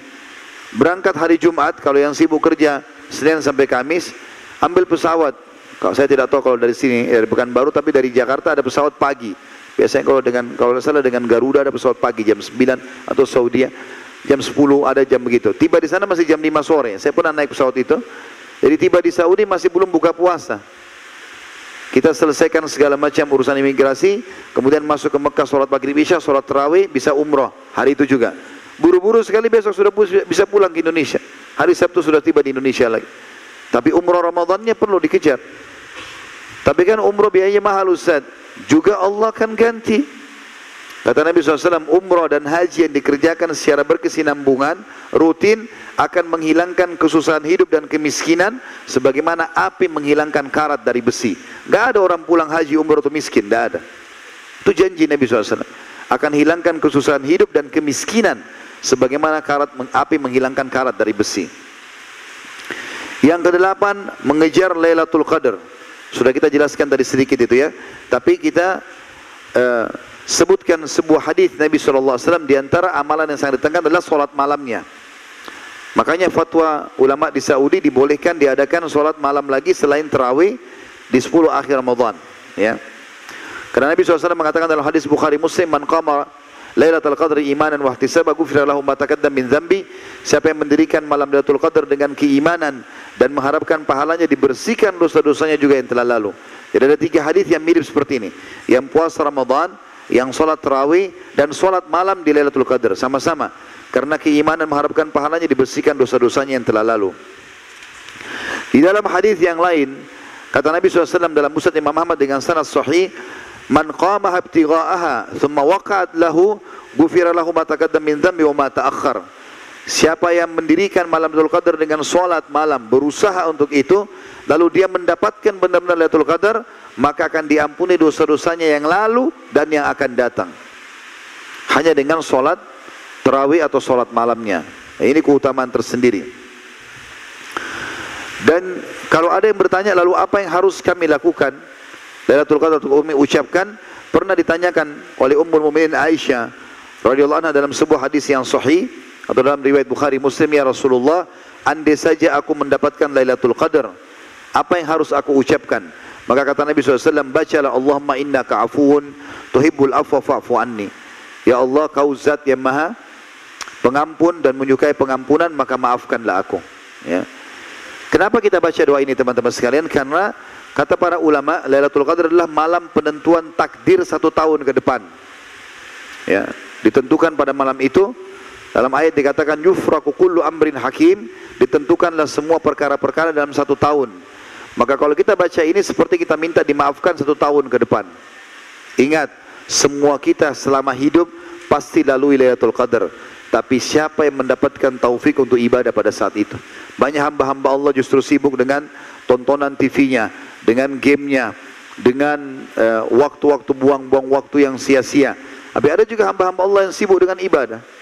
Ingat selalu teman-teman, jadikan ibadah yang sedang kau kerjakan seakan-akan ibadah terakhirmu. Kita tidak pernah kematian akan datang kapan. Bagi yang masih muda, jangan pernah berpikir, oh saya masih muda nggak akan mati. Dusta semua itu. Mati bisa datang kepada siapa pun, bahkan anak bayi yang baru lahir pun bisa meninggal dunia. Semua ada pertanggungjawabannya di depan Allah Subhanahu wa taala. Yang kesembilan, memperbanyak zikir, doa dan istighfar. Terutama doa di waktu-waktu mustajab. Sebenarnya orang puasa itu mustajab doa. Tapi pada saat buka puasa itu waktu mustajab. Sebagaimana sabda Nabi SAW di dalam hadis yang sahih, sesungguhnya orang puasa dalam hadis Bukhari Muslim, orang puasa itu akan mendapatkan pengampunan. Uh, ada uh, orang puasa itu memiliki doa yang tidak ditolak dan itu pada saat dia sedang berbuka puasa.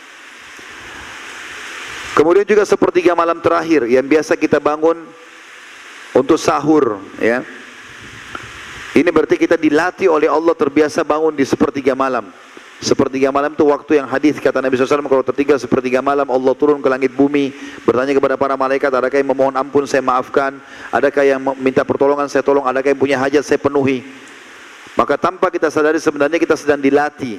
Karena Nabi SAW suruh kita sahur tasaharu fi inna fi sahuri barakah sahurlah kalian karena pada sahur itu ada berkah ya dan kita teman-teman perlu garis bawahi ya hikmah dari puasa ini adalah bagaimana kita mencapai tingkat ketakwaan dari sisi ibadah dan bagaimana kita menservis kembali diri kita supaya sehat kembali.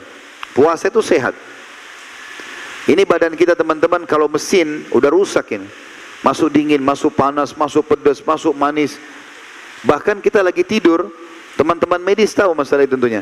Kita kalau lagi tidur, itu pencernaan kita masih mengelola makanan yang kita makan tadi. Makanya kadang-kadang kita bangun tidur butuh kamar mandi, maaf ke WC, buang air, ada sisa makanan yang tidak dibutuhkan. Jadi perut kita nggak pernah istirahat. Kapan dia istirahat itu pada saat puasa. Jadi seperti mobil lagi di servis. Maka kasih kesempatan 11 bulan kau pakai badanmu untuk makan dan minum. Sekarang satu bulan ini servis, kesehatan. Makanya kita subhanallah tiba Idul Fitri, Mau makan baru makan sedikit di rumah kerabat yang kita silaturahim sudah kenyang. Karena perut kita sudah kembali lagi normal, gitu kan?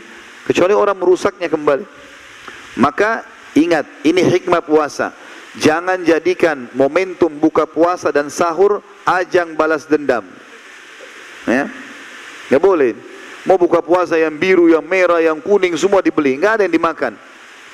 Begitu juga dengan sahur. Sebentar nanti saya akan lapar nih, makan tiga piring. Ini kenapa kayak orang balas dendam? Bukan begitu caranya. Berarti tidak ada hikmah daripada kesehatan tadi. Makanya Nabi SAW bilang, sebaik-baik makanan buka puasa kalian adalah kurma. Dan sebaik-baik makanan kalian di sahur adalah kurma. Kenapa Nabi nggak bilang daging? Kenapa kurma? Karena memang hikmahnya bukan memperbanyak makanan di perut. Tapi nutrisi yang tepat. Kurma sangat padat dan manis Bahkan para sahabat pernah dalam peperangan satu hari makan satu butir kurma cukup. Makanya sunnahnya buka puasa dengan kurma supaya Perut kita tidak kaget, rasa manisnya juga membuka kembali keinginan pencernaan untuk menerima makanan dan juga sudah cukup sebenarnya. Ya. Sunnah Nabi SAW memakan itu. Maka jangan sampai kita salah faham dengan masalah seperti ini. Kemudian yang terakhir teman-teman sekalian, yang ke sepuluh adalah tidak berbuat hal yang sia-sia di bulan Ramadan. Ini penting sekali, sia-sia ini banyak sekali orang buang-buang waktu, apalagi melakukan pelarangan-larangan agama. Begitu tiba Ramadan, sibuk kumpulin semua DVD-DVD atau siapkan kalau sekarang mungkin di YouTube tontonan film apa yang ditonton nih? Dari film India ini ke film India itu. Dari film ini barat ini ke barat itu, action ini ke action itu. Jadi akhirnya habis waktunya dengan tonton auratnya lawan jenis, ya, dengarin musik-musik dan acara-acara yang bumbung waktu. Kalau Ramadan aja kita begitu, berarti di Ramadan kita bisa lebih buruk nanti. Kan dilarang tadi, sudah kita katakan. Siapa ya, puasa itu akan jadi perisai dari api neraka. Dan siapa yang ingin jadi perisai, dia harus tidak rafat, mengucapkan kalimat syawat kepada selain pasangan halalnya. Tidak berbuat kejahatan, tidak berbuat hal yang sia-sia. Ini masuk dalamnya. Maka ini harus dijaga teman-teman sekalian. Karena banyak sekali orang buang-buang waktu dalam hal-hal yang sia-sia ini. Ya, baik itu tidur terlalu banyak, atau ngobrol hal yang kosong, atau tontonan-tontonan yang bahkan memunculkan syahwat dan akhirnya membatalkan puasanya. Ada kalimat yang baik sebagai penutup di sini disebutkan oleh penulis kalau yang pegang buku di halaman 40. Beliau mengatakan sebelum berpisah wahai saudaraku, setelah kita bertamasya di taman-taman surga di bawah naungan amal-amal saleh, ada suatu perkara penting yang ingin saya sampaikan, kata beliau. Tahukah kamu apa itu? Tanda tanya. Lalu beliau mengatakan tepat sekali. Koma yaitu ikhlas. Berapa banyak orang yang berpuasa kan tapi tidak mendapatkan apa pun dari puasanya kecuali lapar dan dahaga. Berapa banyak orang yang mengerjakan sholat tarawih namun tidak mendapatkan apa pun kecuali kantuk atau selain kantuk dan capek saja. Semoga Allah Ta'ala menghindarkan kita dari itu. Oleh sebab itu Rasulullah SAW sangat menegaskan masalah ikhlas ini dalam sabda beliau. Siapa yang berpuasa Ramadan, siapa yang mendirikan malam Ramadan, siapa yang mendirikan Lailatul Qadar karena keimanan dan mengharapkan pahalanya. Kaum salaf sangat berusaha untuk menyembunyikan amal ibadah mereka karena khawatir akan membahayakan diri mereka sendiri. Hamad ibn Zaid menceritakan kepada kita seorang tabi'in yang bernama Ayyub As-Sikhtiyani sebagai berikut. Pada saat menyampaikan hadis, kadang-kadang hati beliau luluh. Lalu beliau segera memalingkan wajah dan berdeham seakan-akan atau seraya berkata, berapa berat pilek yang aku derita, seolah-olah beliau sedang pilek padahal beliau hendak menyembunyikan tangisnya. Maksudnya yang disampaikan pesan di sini adalah ikhlas itu dengan cara tidak banyak menceritakan orang. Tadi contoh kita buka puasain orang. Gak usah datang kepada teman lalu bilang, kau sudah buka puasain orang belum? Kau sudah buka puasain orang belum? Saya sudah sumbang tuh masjid dekat rumah. Hilang pahalanya. Allah sudah titipkan di pundak kanan kiri kita, malaikat tidak pernah tidur, gak pernah lalai. Allah bilang, "Ma yalfidu min qaulin illa raqibun atid." Tidak ada satu kalimat pun yang luput dari manusia itu keluar kecuali dicatat oleh malaikat pengawas, raqib, atid. Ya Allah mengatakan begitu. Tentu di sini ada yang mengatakan nama malaikat yang mengatakan adalah istilah pengawasan ya dari malaikat tersebut. Maka diawas. Setiap kita sudah beramal nggak usah sibuk-sibuk lagi kita sebutkan. Cukup Allah Subhanahu wa taala yang tahu. Sudah beramal sudah kita diam saja. Bantu orang sedekah ya sudah. Tidak usah lagi disebut-sebut karena ini manfaatnya sangat besar kalau kita tidak menyampaikan karena pahalanya akan maksimal. Pahalanya akan maksimal. Maka jangan sia-siakan ini. Jangan ceritakan kepada orang. Kecuali dasarnya orang tahu. Kalau orang tahu ya sudah berarti memang kita tidak mungkin bisa menghindar dari perbuatan itu. Maka harusnya tentu difahami masalah seperti ini Allahu a'lam. Baik ini bahasan kita insya Allah mudah-mudahan bisa diambil manfaat darinya. Dan semoga Allah subhanahu wa ta'ala menjadikan Ramadan ini penuh dengan berkah buat kita penuh dengan kesehatan kesempatan amal soleh dan Allah ulangi Ramadan-Ramadan akan datang lagi untuk kita tentunya. Baik karena sudah jam 11 insya Allah kami pun harus persiapan ke bandara dan memang targetnya taklimnya sampai jam 11 kami juga berharap bisa berlama-lama dengan Bapak Ibu sekalian tapi waktu juga yang harus memisahkan kita. Tidak ada yang kekal kecuali nanti di kehidupan akhirat insya Allah maka dunia ini memang ada pertemuan ada perpisahan. Semoga saja apa kita sampaikan ini bermanfaat buat kita semua. Dan Allah jadikan ini sebagai tambahan amal kita pada hari kiamat. Semoga Ramadan ini dan Ramadan-Ramadan yang akan datang semuanya Allah berikan kita kesehatan, kekuatan, kesempatan untuk beramal soleh maksimal. Dan semoga Ramadan-Ramadan yang lalu semuanya diterima oleh Allah dengan pahala yang sempurna dan selalu kita doakan agar negara tercinta Indonesia menjadi negara yang aman, tentram, damai, seluruh umat Islam di bawah naungan ukhuwah Islamiyah. Dan dalam ibadah mereka kembali kepada Al-Quran dan Sunnah. Dan semoga Allah melunasi utang negara ini semudah-mudahnya dan membukakan rezekinya dari seluruh penjuruhnya. Dan Allah karuniakan kita pemimpin muslim yang adil kembali kepada Al-Quran dan Sunnah. Dan semoga Indonesia menjadi contoh bagi negara yang lain.